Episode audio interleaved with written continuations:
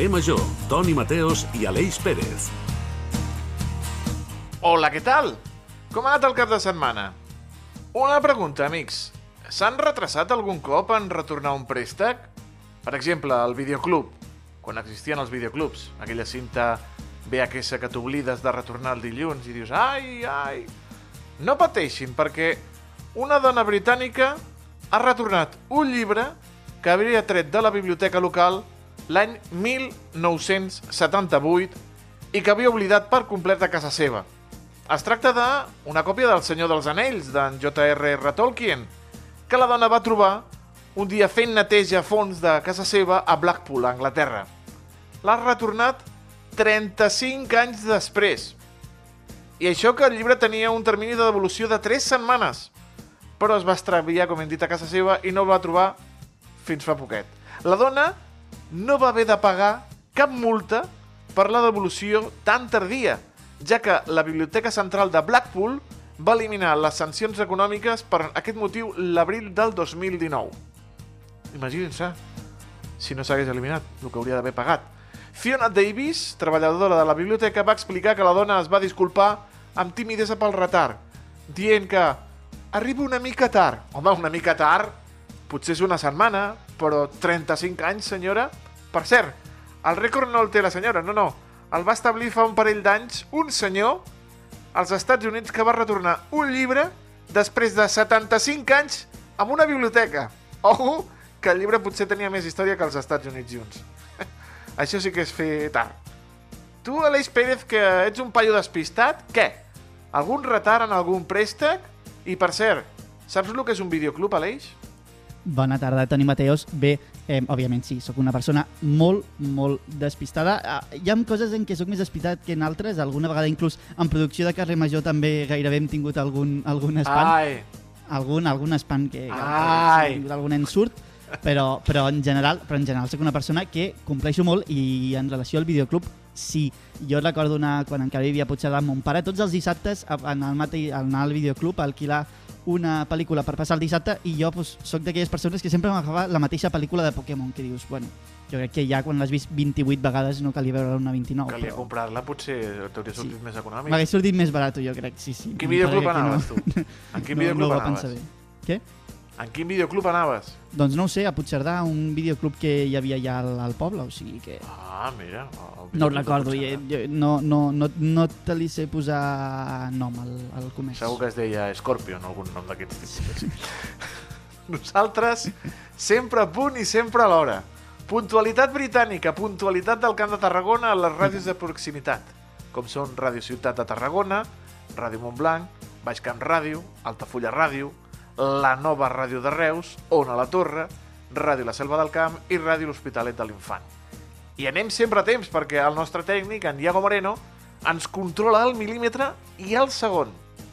Fins les 6, benvinguts a Carrer Major. Tic-tac, tic-tac, tic-tac, tic-tac. Carrer Major, a la teva ràdio de proximitat.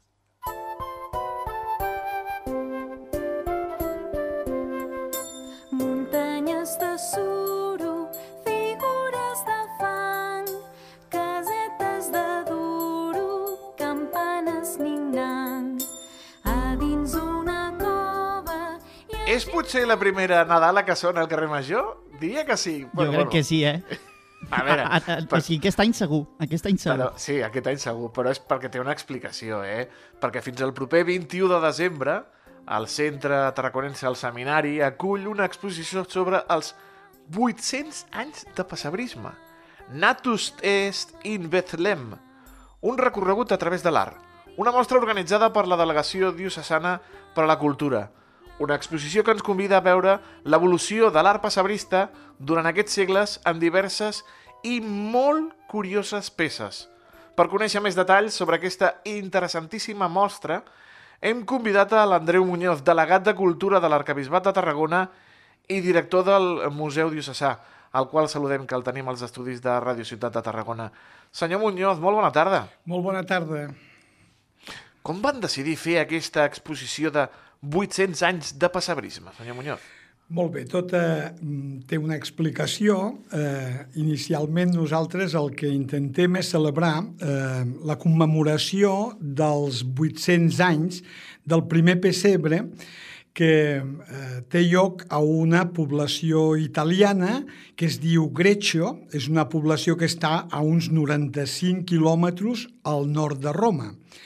I la nit de Nadal de l'any 1223 eh, Francesc d'Assís, Sant Francesc d'Assís, que ja havia tingut una experiència de peregrinatge a Terra Santa, havia visitat, per tant, la gruta de la Nativitat de Betlem, havia anat a Roma i havia conegut la relíquia que encara els peregrins poden veure del pessebre, del bressol de Jesús a la Basílica de Santa Maria la Majore, doncs ell en aquest poble identifica una gruta que li recorda tantíssim aquella gruta de la Nativitat i recrea el primer pessebre que podríem dir a la història fent una celebració eucarística on va portar un bou, una mula i la imatge del nen Jesús.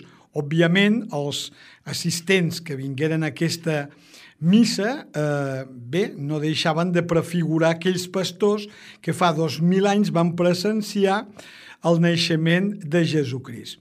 D'aquesta forma, fa 800 anys, aquest Nadal farà 800 anys, que es fa aquesta commemoració del primer pessebre. Un fet que que se desenvolupa actualment a nivell mundial. Museus, entitats, associacions estan celebrant aquesta festivitat. I ens semblava que com a arquebisbat de Tarragona nosaltres també ens devíem sumar amb un conjunt d'iniciatives, no només a la ciutat de Tarragona, sinó a totes les parròquies que configuren eh, l'arquebisbat de Tarragona. Eh? Per tant, doncs, Conca de Barberà, Baix Penedès, Urgell Garrigues, eh, en fi, al camp, baix camp, totes les, les nostres parròquies doncs, estan cridades a poder sumar-se dintre d'aquest esdeveniment.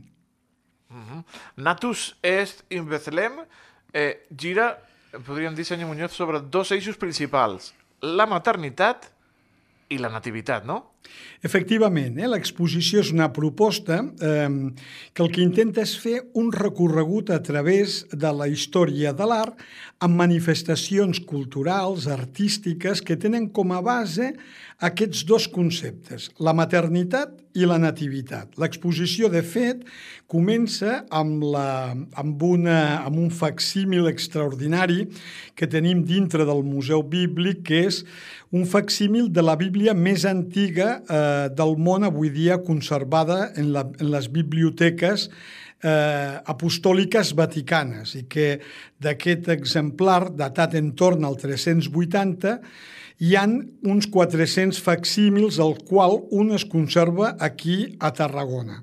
I aleshores està obert pel pròleg de l'Evangeli de Joan, on s'expressa que la paraula es va fer carn. No? La paraula representa Crist, és l'encarnació de Crist en la humanitat. I a partir d'aquí se desplega aquests dos conceptes dels que hem parlat. La maternitat, entès com un do de Déu, que abasta pràcticament tots els segles de la història de la humanitat. De manera que arrenquem amb una reproducció de la Venus de Willendorf, eh? recordeu que és aquesta estatueta que es conserva actualment a Viena, d'una antiguitat entre 20 i 25.000 anys, hi ha la deessa Isis sostenint el seu fill alletant-lo Horus i seguidament eh, ve una eh, mare de Déu d'època paleocristiana datada entre els segles V i VI. No? I es va veient com les diferents cultures han tingut aquesta sacralitat en, en, en, entorn a la maternitat. Després ve una, una maternitat de cultura nigeriana, africana, que és preciosa, és una talla en fusta, i aquí es va desplegant doncs, una Mare de Déu romànica, en concret de l'ermita de l'Hospitalet de Puigpelat, arriba doncs, a, a mostrar-se una imatge del segle XIV de la Mare de Déu de Vall d'Usera, fins a arribar a una imatge abstraccionista del segle XXI. I el mateix passa a nivell de la nativitat. Comencem amb la reproducció d'un sarcòfag paleocristià trobat en la necròpolis vaticana de l'any 380, d'època teodosiana, que ja conté tots els elements del pessebre. Els tres mags amb un barret frigi, amb una mena de barretina que marca la seva procedència, la dels mags eh, oriental, apareix el bou i la mula, recordeu aquella polèmica que si entrava el bou i la mula doncs ja està representada en l'època paleocristiana, eh, la Sagrada Família i l'Estrella. I a partir d'aquí anem desenvolupant amb obres d'art un recorregut pel món romànic, pel món gòtic, sí. el renaixentista, fins a arribar als nostres dies. Per tant, llavors, senyor Muñoz, bona tarda. És una mica un mirall, no? És un reflex sociològic, inclús m'atreviria de la manera en com es conce conceben tant la maternitat com la nativitat i també, en part, gràcies també a, a, a col·leccionistes privats, no? a part d'altra gent que s'ha volgut sumar en aquesta exposició.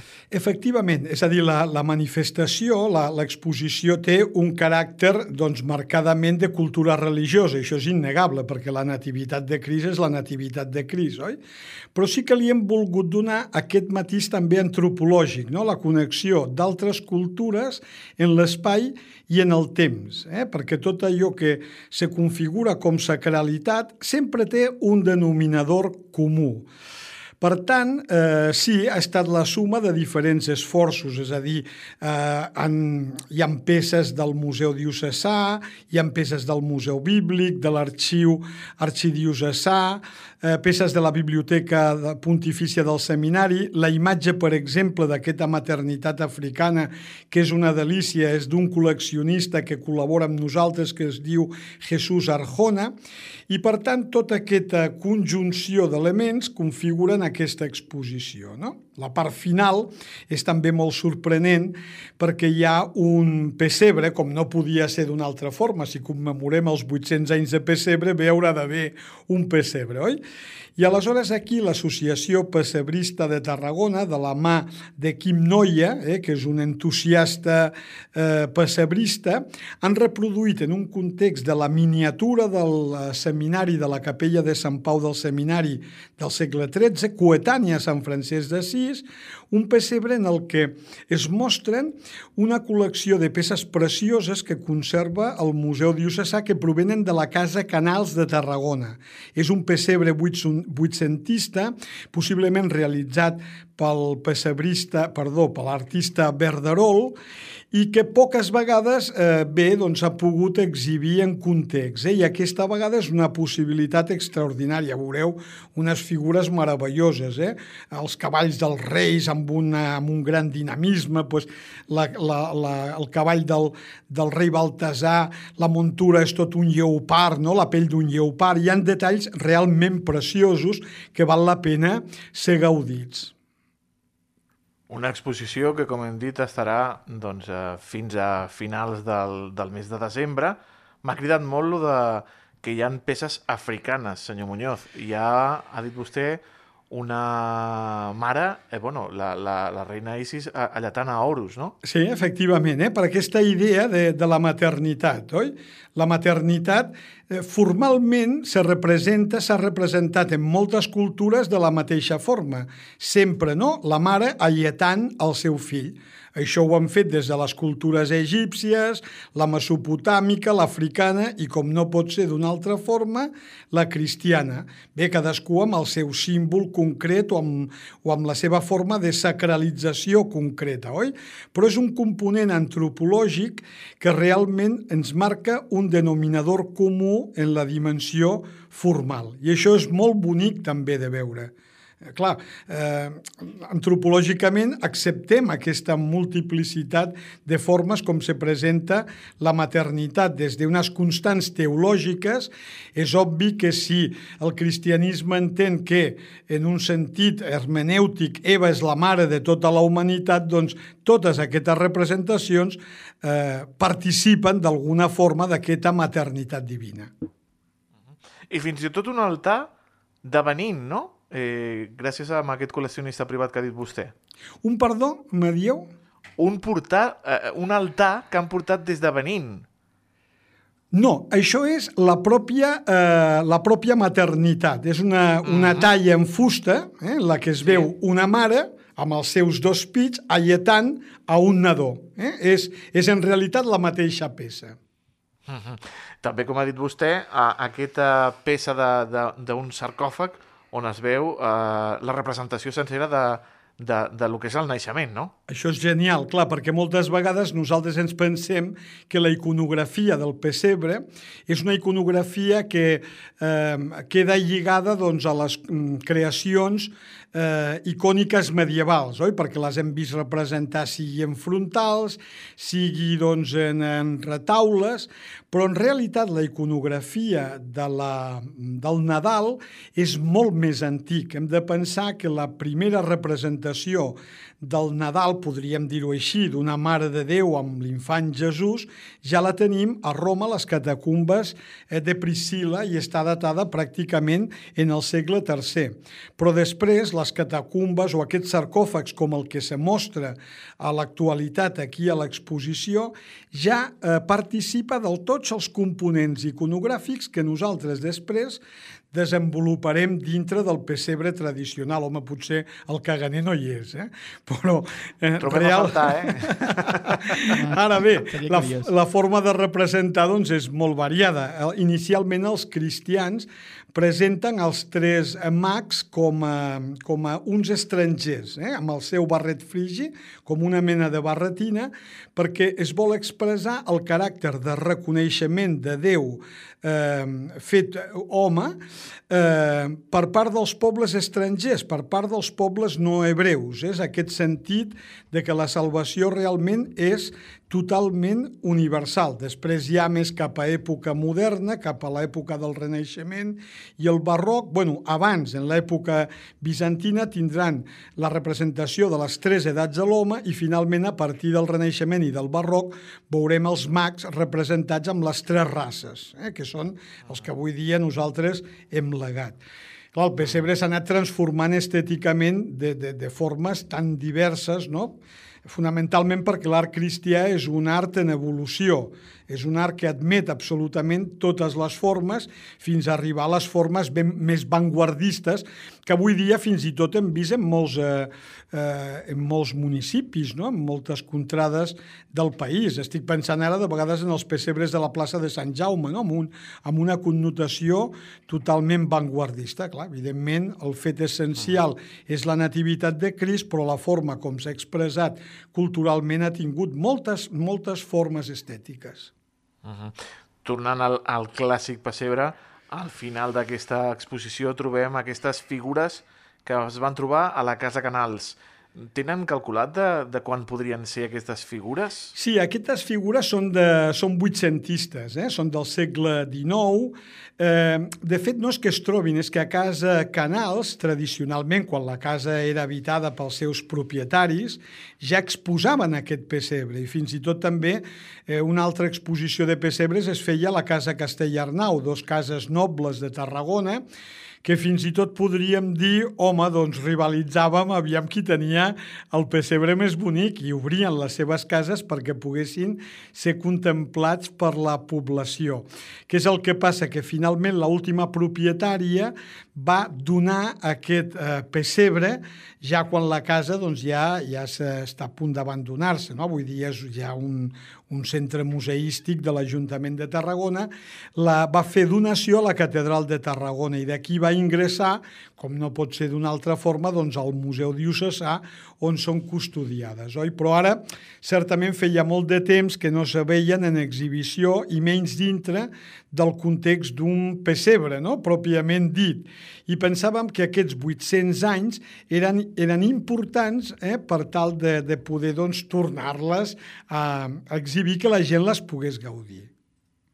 Qui sap si a l'any 2223, quan faci mil anys de l'art pessebrista, trobem allà un caganer en una propera exposició i, com ha dit el nostre convidat, el senyor Andreu Muñoz, eh, una representació també de, de naixements més moderns, com el que ens va comentar que es va fer a Barcelona, aquelles caixes que s'anaven il·luminant, aquelles caixes de color, que tanta polèmica van portar sí, sí. Uh, anys enrere. Recordin, fins al 21 de desembre poden visitar al centre del seminari l'exposició Natus Est in Bethlehem, un recorregut a través de l'art, de la qual ens ha donat eh, molta informació el senyor Andreu Muñoz, delegat de Cultura de l'Arcabisbat de Tarragona i director del Museu Diocesà, al qual li donem les gràcies per haver-nos acompanyat aquesta tarda al carrer Major. Senyor Muñoz, moltíssimes gràcies i fins la propera. Un autèntic plaer. Fins a la propera. Gràcies. Gràcies. Adéu. Estàs escoltant Carrer Major.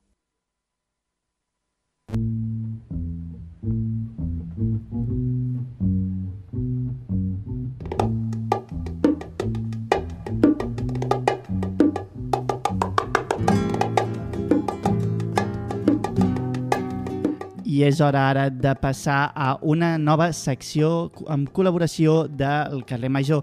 I bé, aquesta és una aposta personal i és que al Carrer Major tenim infinitat de col·laboradors que saben de moltes coses, però també ens faltava, no? ens mancava alguna cosa que realment també volíem que estigués present al Carrer Major i en aquest cas és la literatura. I bé, avui tenim amb nosaltres a l'Andeu Dalmau, ell és periodista de revista Cambrils i també un gran apassionat de la literatura i també ens explicarà doncs, que també es fa gran literatura aquí al Camp de Tarragona. Molt bona tarda, Andreu. Bona tarda, Aleix, què tal?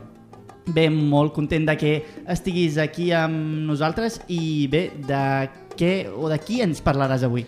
Bé, bueno, tu em vas dir que parlés una mica de literatura del territori i m'ho he pres bastant seriosament i he decidit parlar del territori però escombrant molt cap a casa, eh? escombrant molt cap a casa perquè jo sóc de Cambrils eh, i, i he triat una, un, un, un, un escriptor que és veí meu, que és de Cambrils, el Jordi Ledesma. No sé si algun oient el coneixerà, segurament sí, perquè eh, darrerament ha estat escrivint novel·les molt bones, novel·la negra, eh, nascut l'any 1979, en realitat té publicades 5 novel·les ja, és a dir, no, no són moltes perquè té una carrera de, de 10 anys apenes, potser una mica de més de 10 anys, però, però són novel·les que han evolucionat molt ràpid, la seva trajectòria ha, estat, ha tingut una evolució molt ràpida i recentment ha estat premiat amb, amb premis prestigiosos com el Pata Negra que donen al Congrés de Cine i Novel·la de la Universitat de Salamanca o per la novel·la Lo que nos queda de la muerte, que en parlarem més endavant, o més recentment també ha rebut el Premi Ciutat Santa Cruz de Tenerife, de novel·la criminal, per la seva novel·la En el descuento que va escriure amb, juntament amb José Ángel Mañas, que no sé si els oients el coneixeran, però és també un autor molt conegut a nivell espanyol per Històries del Cronen, que és una novel·la que també es va ser versionada a cinema i, i ho va patar molt en el seu moment. Jo m'he llegit mm, gairebé totes les seves novel·les, diria que només m'ha falta per llegir-me'n una, i a més he tingut l'oportunitat d'entrevistar-lo diverses vegades, eh, tant per la revista Cambrils com per Ràdio Cambrils, um, i és un plaer poder parlar amb ell. La veritat és que és una persona molt humil, uh, gran lectora, sobretot molt important per ser un gran escriptor, que és el que jo crec que, que el que destacaria més d'ell de, és això, que és un, un gran escriptor. Sí. Creus que aquest caràcter influència també en la seva obra, en la manera com ell concebeix la literatura i l'escriu? Sí, totalment, o sigui, jo penso que, que, que el fet que el Jordi sigui una persona superpropera i super humil en aquest sentit, mmm, diguem, més personal, també fa que estigui constantment buscant maneres per millorar com a escriptor i això ha, ha, ha portat la seva literatura a un altre nivell perquè va començar escrivint llibres bons però jo penso sincerament que ara mateix és dels millors escriptors de novel·la negra del nostre país i, i, i no, és, no és perquè sigui de Cambrils, vull dir, no em malinterpreteu, no li faig la pilota, sinó que sincerament ho penso, vull dir, està ni, està a nivell d'Esther García Llobet, de Kiko Amat, de grans escriptors contemporanis que, que estan molt, de, molt dins d'aquest estil de la novel·la negra i, i això jo crec que ell ha millorat molt ràpid i té molt camí encara per recórrer i espero que el puguem veure seguir millorant i seguint escrivint grans novel·les. Quines són les, els signes identitaris de la seva literatura? Ostres, està creant un estil propi també? Està trobant el seu camí a la literatura? Sí, totalment. És a dir, això és el que té més mèrit de, de la trajectòria del Jordi i és que ha aconseguit trobar un estil molt, molt personal. Um, ell escriu una novel·la negra que no, no és mm, policíaca, és a dir, apareixen policies, apareixen crims, però els protagonistes no són inspectors o, o assassins o coses així normalment, però sí que parla d'històries fosques, de personatges foscos i, i toca molt el, el tema de la crítica social, no? també, és a dir, ens parla de, de temes com la prostitució, el narcotràfic, amb, amb, amb escenes reals, amb problemes reals, però sempre amb, una, amb aquesta crítica indirecta que també li dona aquest valor afegit a la, a la seva literatura. no obstant, el que jo diria que car- caracteritza més la, la literatura del Jordi Ledesma és el ritme, perquè ha aconseguit que les seves últimes novel·les siguin trepidants, és a dir, eh, en El Descuento, que um, la va publicar, si no recordo malament, aquest mateix any, el 2023, són 200 pàgines, però són 200 pàgines que te les pots llegir en una mateixa tarda. Jo me la vaig llegir en 3 hores, perquè és d'aquelles trames que t'enganxen, t'ab- t'absorbeixen molt i, i estàs molt a dins i, i no pots parar de llegir fins al final i com que és curt i a més eh, utilitza les paraules justes i els diàlegs aquests ràpids eh, és un estil molt cinematogràfic en aquest sentit és a dir mm, diàlegs ràpids, escenes fugaces, mm, personatges que te'ls descriu ràpidament i llavors et permet això, no? estar constantment avançant. Sí. Creus que s'adapta una mica també a les noves generacions, a la manera en com concebem ara la, la, la, el moment, no? que volem impulsos de manera molt ràpida, crec que ho interpreta molt bé en aquest cas. Sí, sí, totalment. És a dir, si, si jo hagués de recomanar una novel·la del Jordi Ledesma a una persona jove per, perquè el descobreixi, seria aquesta, en el Descuento, perquè és una trama, mm, una trama diguem-ne que convencional, no vull que soni lleig, però és una trama comuna, no? d'una una persecució policial, un crim i una persecució policial, i, i és fàcil d'entendre, és fàcil de llegir, i, i jo crec que és molt entretingut pel públic jove, podria ser també per aquest, per aquest tema que et dic que és, que és ràpid i que, i que te pots adaptar ràpidament al, al llibre. I també m'agrada perquè eh, vull fer un viatge no? a, a, a les seves primeres novel·les, com eren, que aquí també hi ha una mica de, de, de cura d'humilitat, no? inclús podríem dir. Sí, bueno, és, és el més normal, no? Quan tu comences en la literatura, i això ho he, par ho he parlat amb ell mateix, mm, a, vegades, a vegades pots pecar una mica de massa ambiciós, no? d'ara començo a la literatura i vull ja escriure una obra mestra, no? vull que el meu, els meus grans personatges vagin per grans escenaris no? i els hi passin moltes coses, i això pot, pot al final semblar un error. No? Ell mateix reconeix que Narcolèpsia, que és la seva primera novel·la que va publicar el 2012, és massa ambiciosa en aquest sentit, té masses personatges secundaris, masses escenaris, i, i ell ha anat polint això, tal com et deia, i ha anat acotant una mica més el seu estil, el seu rang, és a dir, les seves darreres novel·les directament no surt d'Espanya o no surt de, de Cambrils, que ara en parlarem d'aquesta vessant més local de la seva literatura, i, i, i això és el que l'ha portat a, a evolucionar com a creador. No? Una, cosa molt que ha tingut, una cosa que ha tingut des del principi, és a dir, ha canviat coses, però hi ha coses que no ha canviat en la seva literatura, però una cosa que ha tingut des del principi és un esquema de personatge, um, un, un personatge sentenciat, és a dir, que tu comences a llegir la novel·la i ja dius, aquest tio acabarà fatal, vull dir, Una mica com crònica d'una muerte anunciada. Eh, no? sí, bastant anunciada. Vull dir, a, a Julio Perla, que és el protagonista de Narcolèpsia, tu comences i, i veus que això no acabarà bé, no? Una mica com les pel·lícules de, de Martin Scorsese, Sí. no? Pues, eh, El lobo de Wall Street sí. o Casino, alguna d'aquestes, no? De mafiosos que els hi passen moltes coses i que saps que passi el que passi, acabaran fatal, no? Pues, les seves novel·les són una mica així. Ell el que, el que ens explicava en les entrevistes que, que li han pogut fer és que li interessa aquest esquema de la persona fallida, de, el, el personatge que té defectes, no? com, com qualsevol persona, és a dir... La imperfecció com a natural, no? Una imperfecció natural de, dels to- personatges. Totalment, és a dir, ell, ell feia servir per explicar aquest fet una frase famosa de la Bíblia, que és quan Jesús eh, li diu als seus, als seus deixebles que en este libre de pecado que tire la primera piedra, no? per, refer per fer referència a que ningú és perfecte, tothom té els seus defectes i ell el que li agrada és fixar-se en aquests defectes per fer la crítica social aquella de la que parlàvem abans. Sí. Em, en aquesta primera obra, no? diguem que ja hi havia una, una mica les llavors, però com ha anat evolucionant, com ha anat germinant, com, com ha anat perfeccionant aquests primers matisos i idees que tenia i clar que volia evolucionar. Mm -hmm. El seu estil, com et deia abans, s'ha anat mm, acotant molt i, i ara fa una literatura molt reconeixible. Al principi potser usava una mica de la descripció i de la- de l'excessiva explicació, no? I ell en, en, em va explicar una vegada que, que a vegades és millor si vols, si vols tenir un personatge que és un lladre, a vegades, ab- abans que dir que aquest personatge és un lladre, és millor ensenyar-lo robant.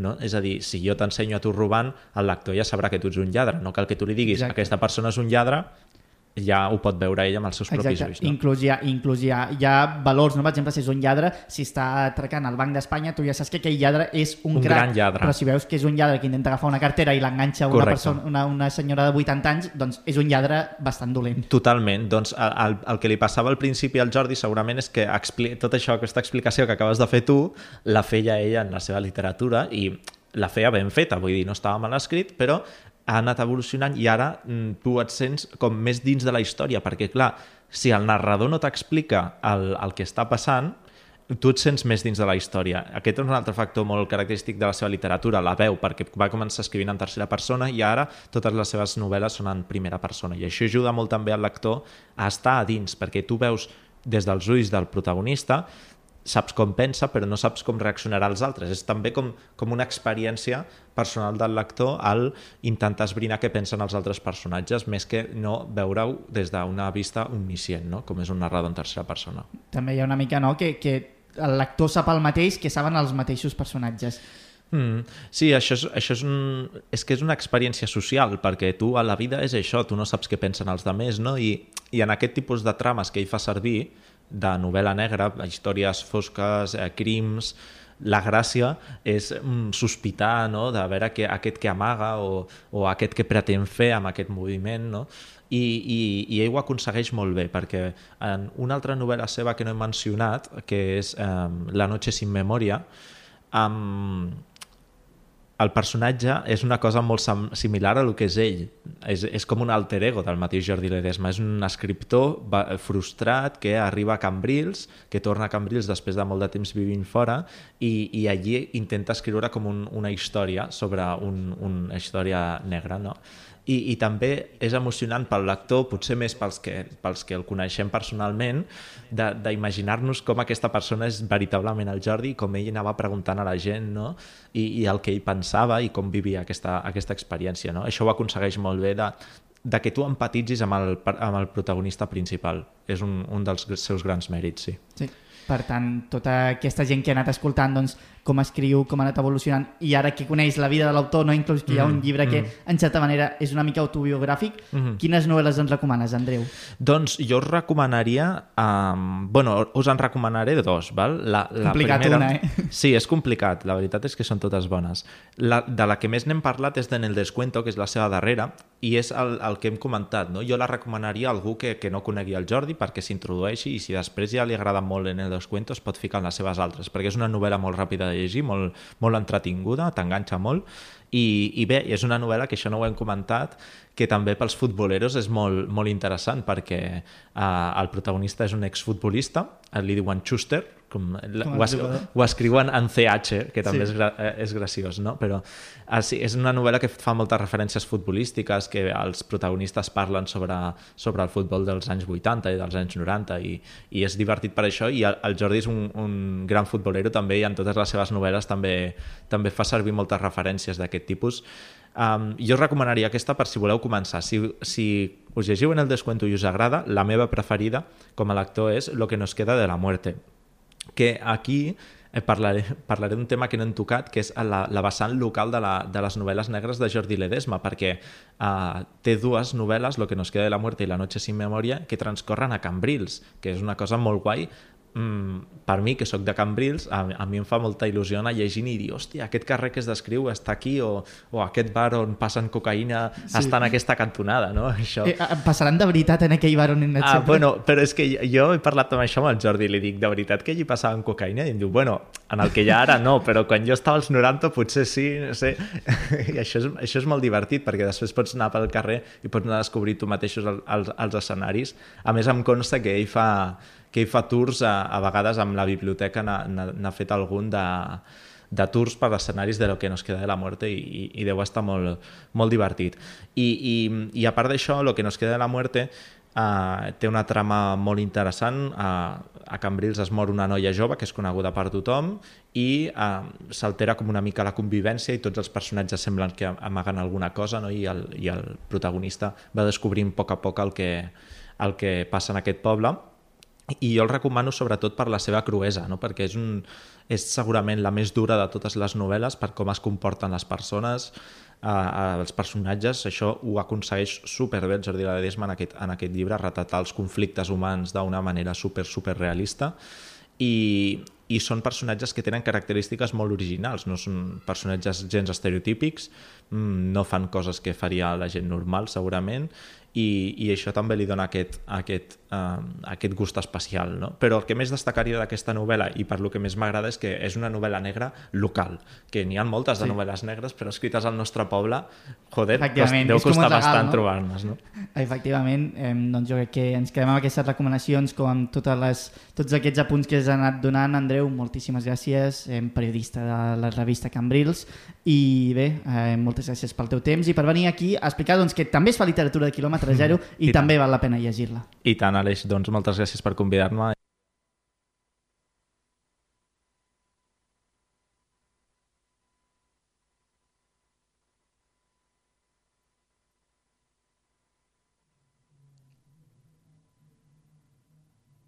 Doncs, eh, gràcies. Sí, sí, eh, sí, sí, s'ha anat la connexió, no sé què ha passat aquí. Ah, exacte, gràcies Hem al teu eh? convidat. Sí. Ah, Que- Ens ha parlat d'un Sí, sí. artista com el Jordi Ledesma, de Cambrilenc, i mira, m'ha agradat això de... En aquell bar es passava cocaïna. Anem amb, un, eh, amb la cocaïna dels dilluns, dels dimecres i dels divendres, que són els, Tonis. tonis. Ai, ai, ai, espera, que cridem a l'Antonio, mentre el nostre tècnic, el Diego Moreno, ens posa la música del que parlarem avui. Si vol ficar-la, el Diego. Sí, no? Ara, ara, ara, ara, ara.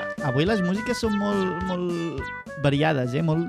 O sigui, si algú, no, si algú escolta per primera vegada Carrer Major i comença a escoltar aquestes músiques, jo crec que no sabrà ben bé on s'està posant. I si escolta per primera vegada els tonis, també no sap on s'està ficant, perquè... Bona sort. Mira, el tenim assentat als estudis de Ràdio La Selva. Antonio Mellado, bona tarda. Bona tarda, Com Toni Mateos i Aleix Pérez. Què Bona tal? tarda, Antoni. Bé, molt enfeinats amb la festa major. Ha anat bé la festa major, Antonio? A mitges. No sé, he estat malalt tot el cap de setmana. I treballant també. el Sí, cap sí. de setmana. El que és el que toca. tu. És el que toca, és el que toca. Avui parlarem de el nostre estimat, bueno, d'un personatge, Antonio, molt estimat. Sí, i és que aquests dies s'han complert els 20 anys, déu nhi eh, ja, 20 anys, Toni Mateos, de la mort d'un dels personatges més coneguts i estimats de Barcelona i de tota Catalunya. Estem parlant de la mort del Floquet de Neu, el goril albí que va viure i va regnar al zoo de Barcelona durant 36 anys. Ojo al floquet de neu, eh? I tant. El floquet, o copito de nieve, com era també conegut, ens va deixar un 24 de novembre del 2003. El seu nom, floquet de neu, es devia al color blanc del seu pelatge, una raresa entre els goril·les i motiu per la qual es va convertir en una figura emblemàtica del zoo que eh, en l'època que va treure a visitants de tot el món doncs, va omplir eh, els somnis de nens i nenes i també els malsons perquè a mi no es va girar.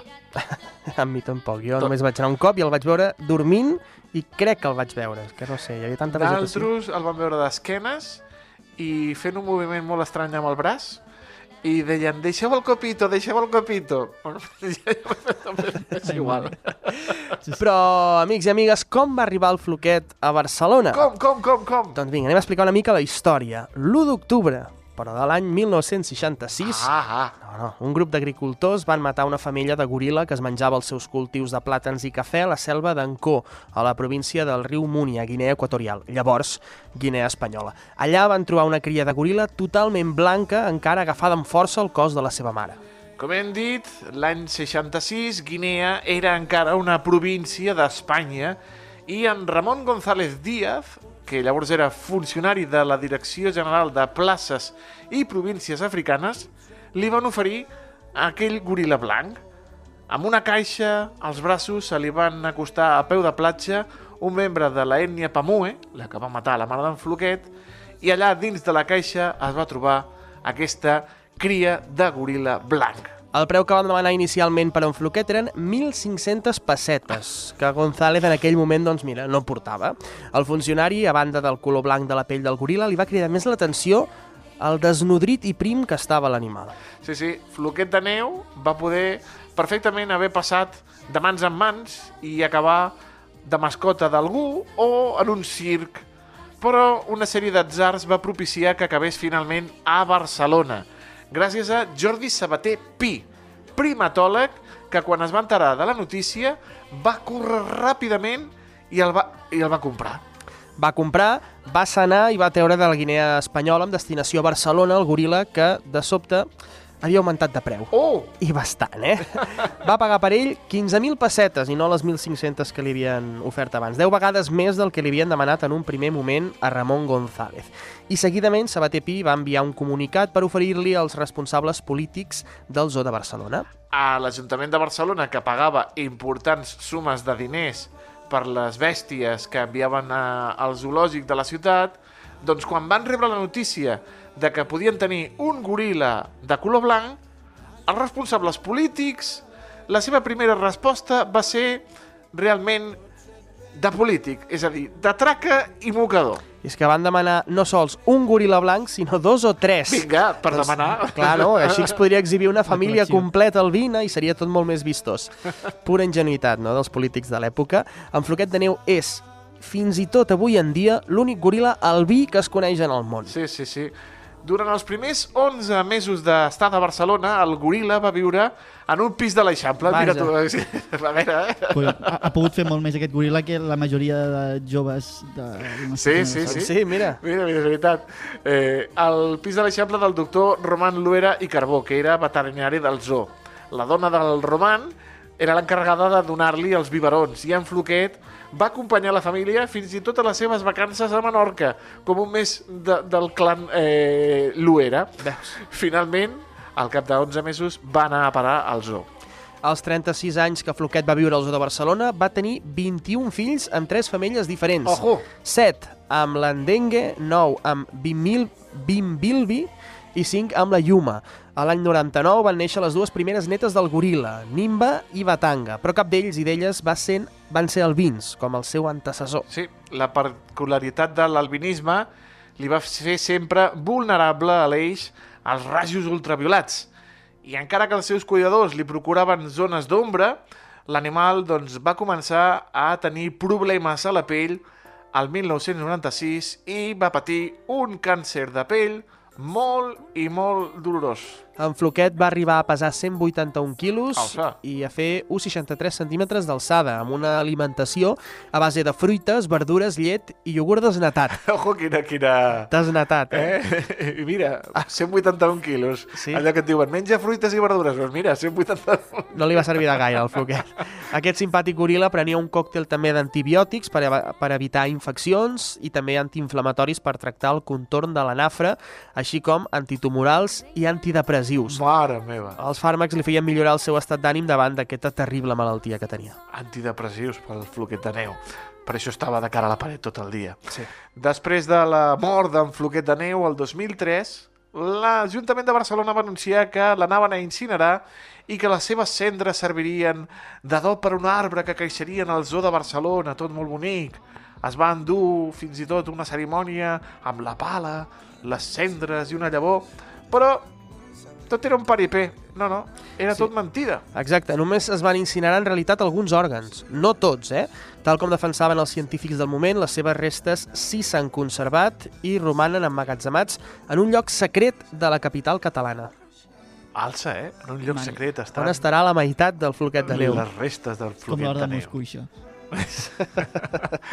El 2022, l'Ajuntament de Barcelona li va arribar una estrambòtica proposta, alerta amb això l'Eix, de crear un goril·la robòtic de 3 metres d'alçada i pel mòdic preu de 1,5 milions d'euros que havien d'anar a càrrec de les arques municipals dels barcelonins, pagar un milió i mig per un floquet mecànic. Eh, la idea provenia ni més ni menys que del Consell d'Art Públic, el jurat d'experts que analitzen quines escultures mereixen exhibir-se als carrers, que després escolleixen aquelles bírries que veiem en moltes rotondes, places i parcs de la ciutat. Sí. I l'Ajuntament va rebutjar la proposta argumentant doncs, que la figura del floquet de neu pugui resultar amable i despertar simpatia.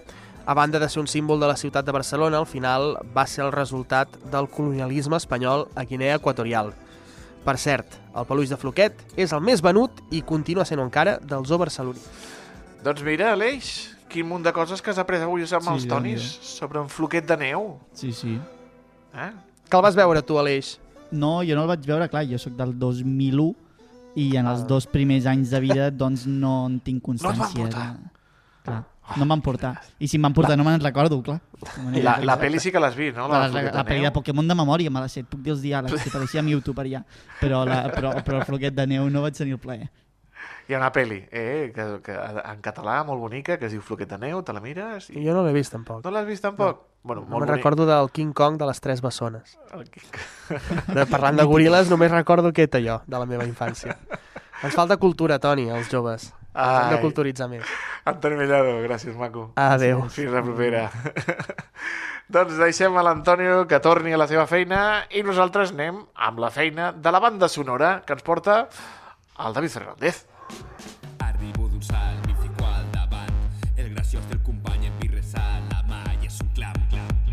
Això està petat i l'ona sonora retrona l'espai. Ara trobes parat davant del bombo en un viatge astral. El sol ha sortit i tu no has tornat. Rodejat de penya, vas com un animal. Què ens porta avui el David? M'agrada, és cançó de les 4 de la matinada d'una discoteca. Sí, sí, és cançó de m'agrada. l'escota de la matinada i de dir allò de anem a fer l'última o ens en retirem ja de- d'una punyetera vegada? I en català, i a més a més de quilòmetre zero, del Camp de Tarragona. Música de la banda sonora que ens acosta cada dia al David Fernández de la nova ràdio de Reus i al qual saludem. David Fernández Soler, molt bona tarda. Hola Toni, hola Aleix, molt bona tarda. Avui no ens mourem de la comarca del Baix Camp perquè escoltarem una banda, una formació musical composta per dos músics de dos municipis com són les Borges del Camp i Botarell. Estem parlant dels Impactats, una banda que el passat divendres el va estrenar el seu darrer senzill que s'anomena De Matineig. Estem parlant d'una formació que va néixer el 2016, però que va ser el 2018, quan van definir el seu estil gràcies a una maqueta de quatre temes autoenregistrats que es deia Venim ben calçats.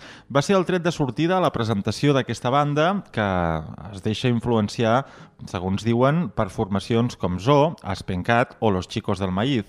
A partir d'aquell moment van anar publicant diversos senzills. El 2021 van estrenar el seu primer llarga durada, que s'anomenava Mediterrània va escultura, i entre el 2022 i el que portem d'any doncs ens han estat avançant algunes de les cançons del seu pròxim treball.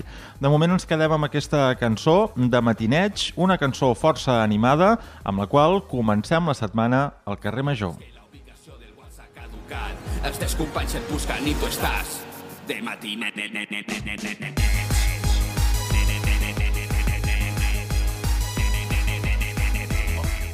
Home, los chicos del maíz no, no sé... No, no, jo, sí, jo els xicos del maïs m'agraden molt i no els hi acabo de trobar la semblança, però si ho No, diuen no ells... t'he acabat de tomar. Potser xicos del maíz, com has dit tu, sortint de l'after, però bueno.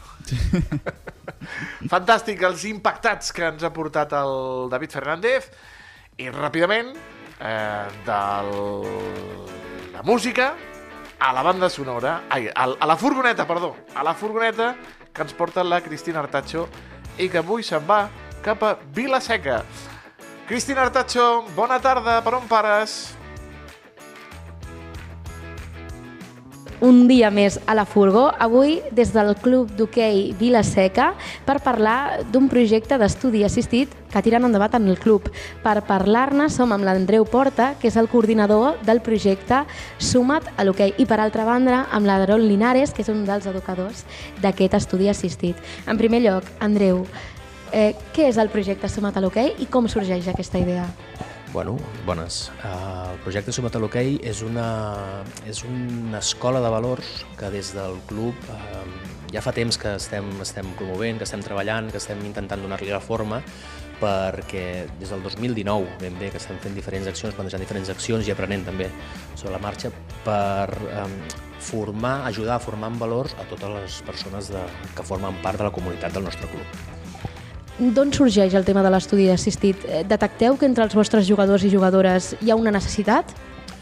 Uh, detectem que des del moment que volem ajudar a créixer la persona, a formar-se com a persones, els nostres jugadors i nostres jugadores, detectem que, que no només hem de, nosaltres hem de formar-los com a esportistes, sinó que com a esportistes i persones també necessiten altres, altres accions, no? altres, altres, podem donar un cop, un de mà amb altres àmbits de la persona. No? Llavors, amb uns, això que deies tu, no? sí que en algun moment podíem detectar la necessitat o la conveniència d'ajudar-los en, en altres aspectes fora de l'esport, com pot ser el tema educatiu. No? Passen moltes hores al club, passen moltes hores eh, entrenant, eh, abans d'entrenar i després d'entrenar llavors vam, vam valorar que era com molt interessant doncs, explorar aquesta opció de donar un cop de mà i d'ajudar-los en els temes dels, dels estudis. D'aquí ha sortit la idea de l'estudi assistit. De fet, ara exactament no som al Club d'Hoquei, som a l'Institut Ramon Barbat, que és el que cedeix les aules perquè el Club d'Hoquei Vilaseca pugui fer aquesta activitat. Eh, és molt important tenir bons resultats educatius per també tenir bons resultats esportius? Va, va correlacionat? és essencial, és bàsic. Si tu no tens uns bons resultats, eh, estem parlant de canalla, de gent que està, de nens i nenes que estan en edat escolar, si tu no tens, i l'edat escolar, la, la formació a l'escola és, és el més important eh, en, en ells, no? en aquestes etapes. Llavors, si tu no tens uns bons resultats acadèmics, eh, segur que no tindràs uns bons resultats esportius perquè tu estaràs més nerviós, estaràs, no estaràs segur, no et sentiràs bé amb tu mateix perquè no estàs tinguent els resultats que vols tenir a nivell acadèmic, amb la qual immanentment segur que afecta amb el tema esportiu. No? I quina rebuda ha tingut aquest estudi assistit en les famílies? No? És el primer curs que ho heu tirat endavant. Com està funcionant? Home, doncs valorem que està funcionant, està funcionant molt bé. És una, és una, és una iniciativa eh, estranya per lo innovadora que és, perquè fins ara mai s'havia fet una, una iniciativa d'aquest estil, almenys al, al nostre entorn. Llavors, eh, primer es va rebre, per part de les famílies, es va rebre, ho vam rebre com a sorpresa, no? de dir, ostres, eh, què és això, no? Si és hockey, què té a veure amb l'estudi? Però estem veient que la gent doncs, cada vegada s'està familiaritzant més i estan valorant més positivament aquesta, aquesta iniciativa. L'Andreu és el coordinador de tot el projecte Sumat a l'Hoquei, no? que engloba l'estudi assistit i moltes més coses, però per viure l'experiència del, del dia a dia d'aquest estudi assistit també està l'Aaron Linares, que és un dels educadors. Com és el dia a dia amb aquests nens i quin treball es fa en aquestes aules? Um, bé, jo ja havia tingut experiència a estudis assistit, però com estava comentant, eh, és molt innovador, perquè és com la primera vegada que se'ns planteja fer estudi assistit des d'un club esportiu. Um, llavors, clar, depèn molt de l'edat, però sí que nosaltres, seguint amb aquesta idea de valors, no és només venir a una estona a fer els deures, que també aprofiten, perquè amb la càrrega de, de temps que porten, doncs aprofiten per fer els deures i estudiar, sinó oferir aquell acompanyament, potser de com a vegades em pregunten, no? Com faig el calendari de tots els exàmens que tinc? O com puc eh, subratllar? Com els hi donem tècniques també perquè puguin ells gestionar-se el temps i com es gestionen a, a l'estudi. I com estan rebent els nens aquesta iniciativa? Realment estan aprofitant aquestes classes i suposo que espereu veure resultats en les notes ara de cara al desembre. Sí, la veritat és que estan molt motivats, eh, els, o sigui, jo els noto molt motivats, sí que és veritat, eh, es nota que els grans ja tenen una mica el servei és més individualitzat, llavors cadascú va al seu ritme, que també és normal, que tenim com infants de tot, i joves de totes les escoles i cadascú potser té un temari diferent o un ritme diferent, llavors bueno, depèn una miqueta, però sí, estan en general estan molt motivats i, i els està agradant molt el projecte. I Andreu, si està sent un èxit, com m'esteu comentant aquí els dos, eh, la perspectiva de futur és que això continuï de cara als propers cursos? Segur, sen- sense, sense cap mena de dubte, que, que continuï i a més a més que pugui créixer, que pugui créixer eh, doncs, com, com hagi de créixer per ell mateix. No? O sigui, que si tant de bo tots el jovent trobés interessant i volgués i, o pogués venir a participar d'aquesta activitat, perquè realment val molt la pena. És una manera d'aprofitar i d'aprendre més. No? Doncs aquí ho deixem. Això és tot des del Club d'Hockey Vilaseca. Hem parlat de l'estudi assistit que ofereix el club. I res més, ens veiem a la propera furgo i bona tarda. Adeu. Gràcies, Cristina. Adeu, adeu. Adéu, Gràcies, adéu, Cristina. Cristina. Molt interessant, eh, això de que a la vegada que es formen els eh, futurs campions del món de l'hoquei, que no deixin la, el seu, la seva educació, que no la deixin aparcada la seva educació. Aleix, un plaer. Tornem Clar, com demà, no? sempre. Exacte, tornem demà i tota la setmana, o sigui que la gent d'aquí no, no, no marxem, però, però per poca estona. Demà tornarem a ser aquí a les 5 de nou. A partir de les 4 amb l'Anna Plaza i a partir de les 5 amb aquests dos bribons. Que vagi molt bé. Vagi bé, Fins adéu. demà. Adéu.